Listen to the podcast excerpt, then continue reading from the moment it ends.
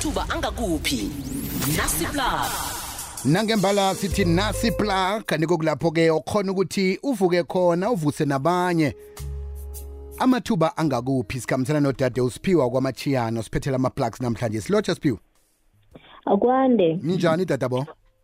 Ngivukile ngizwa ngakini nangapha yoke into uyatshelela kunama-plugs owaphetheko namhlanje si? Iye akhona ama-plugs. Ngithokoze ithuba ngilotshise nomlaleli namhlanje. Kanti-ke sesitsheja yokuthoma i-plug.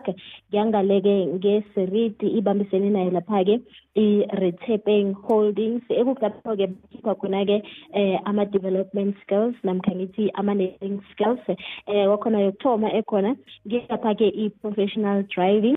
Kube khona lapha-ke i-articulated dump truck bese kukhona lapha-ke i-excavator. Kanti-ke nange ufuna-ke ama-skills ngaphasi-ke kokushayela engikubalileko-ke eh unga-apply khona lapha-ke ngaphasi kweserate ekuhambisana nayo lapha-ke i-retaping ekukulapho-ke bafuna khona-ke i-id copy yakho i-proof of resident updated cv bafuna-ke eh ngathi ungaba no-grade nine ukuya phezulu-ke ngokwekhabo lakhona. Kanti-ke bafuna ukuthi-ke eh ku-apply abantu-ke abaneminyaka eighteen ukufikela lapha-ke 85 basho ukuthi-ke kuza kuvalwa-ke ngen-13 zikaseptemba enyakeni ka-2023 basho ukuthi-ke i-cv yakho submit lapha-ke ku-community development engale eh nge-office yeseriti egrill.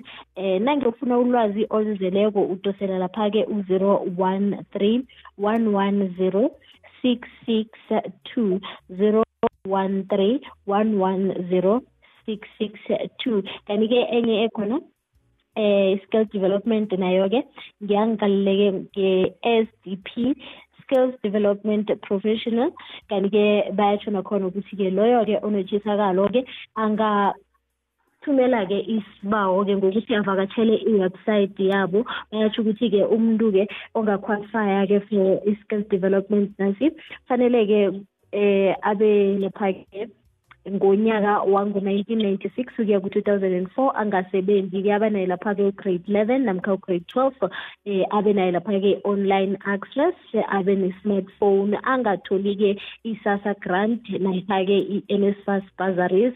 Kanti-ke bese ngithule ukuthi na ufuna uku-aplayela khona-ke uza kuvakatshela i-link yabo-ke s d p professionals kwakhona-ke sesidlulela kwegcina i-plug ikhona lapha-ke kwakhona i-job fair engehlangothini langempumalanga. Okukulapho-ke i-department of employment and labour yangehlangothini langempumalanga. Ibiza-ke abantu ukuthi-ke eh labo abafuna umsebenzi bayazitlolisa khona ngale nge-Bosfontein Community Hall eNkomanzi Municipality eHlazeni District.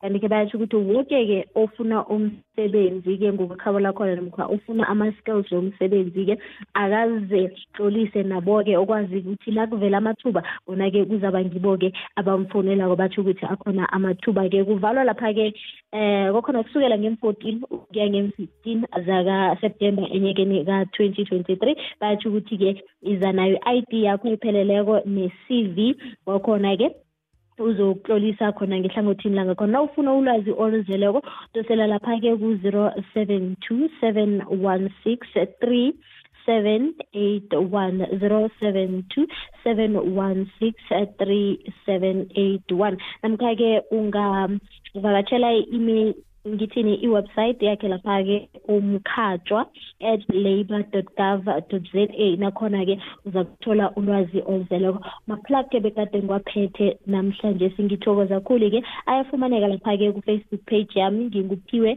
andile mashiyane-ke kanti-ke sizakubona kodwa-ke ngevekeni ezako ukuthi siphatha maphi ama-plugs for umlaleli ngiyathokoza. Siphiwe siyathokoza bekube ngomvulo kodwa ngitsho siyathokoza. Aha-ke khumbula-ke mlaleko kwez FM uh, ungathengi umsebenzi njengombana kwazeka ukuthi wazibandakanya ebulelesini namtshana kuscam esifana nalokho ukuthi wena ukhupha imali ukuthi uthole umsebenzi. Lokho kukufaka hlangana kuba ngasuthi abantu wabo usebenza nabo kanti wena bosowuzifunela umsebenzi. Ungakhuphi imali uthi uthenga umsebenzi ngoba lokho kukuphula umthetho. Ngomvulo bekubengele sithathu sithi amathuba angakuphi? Nasipla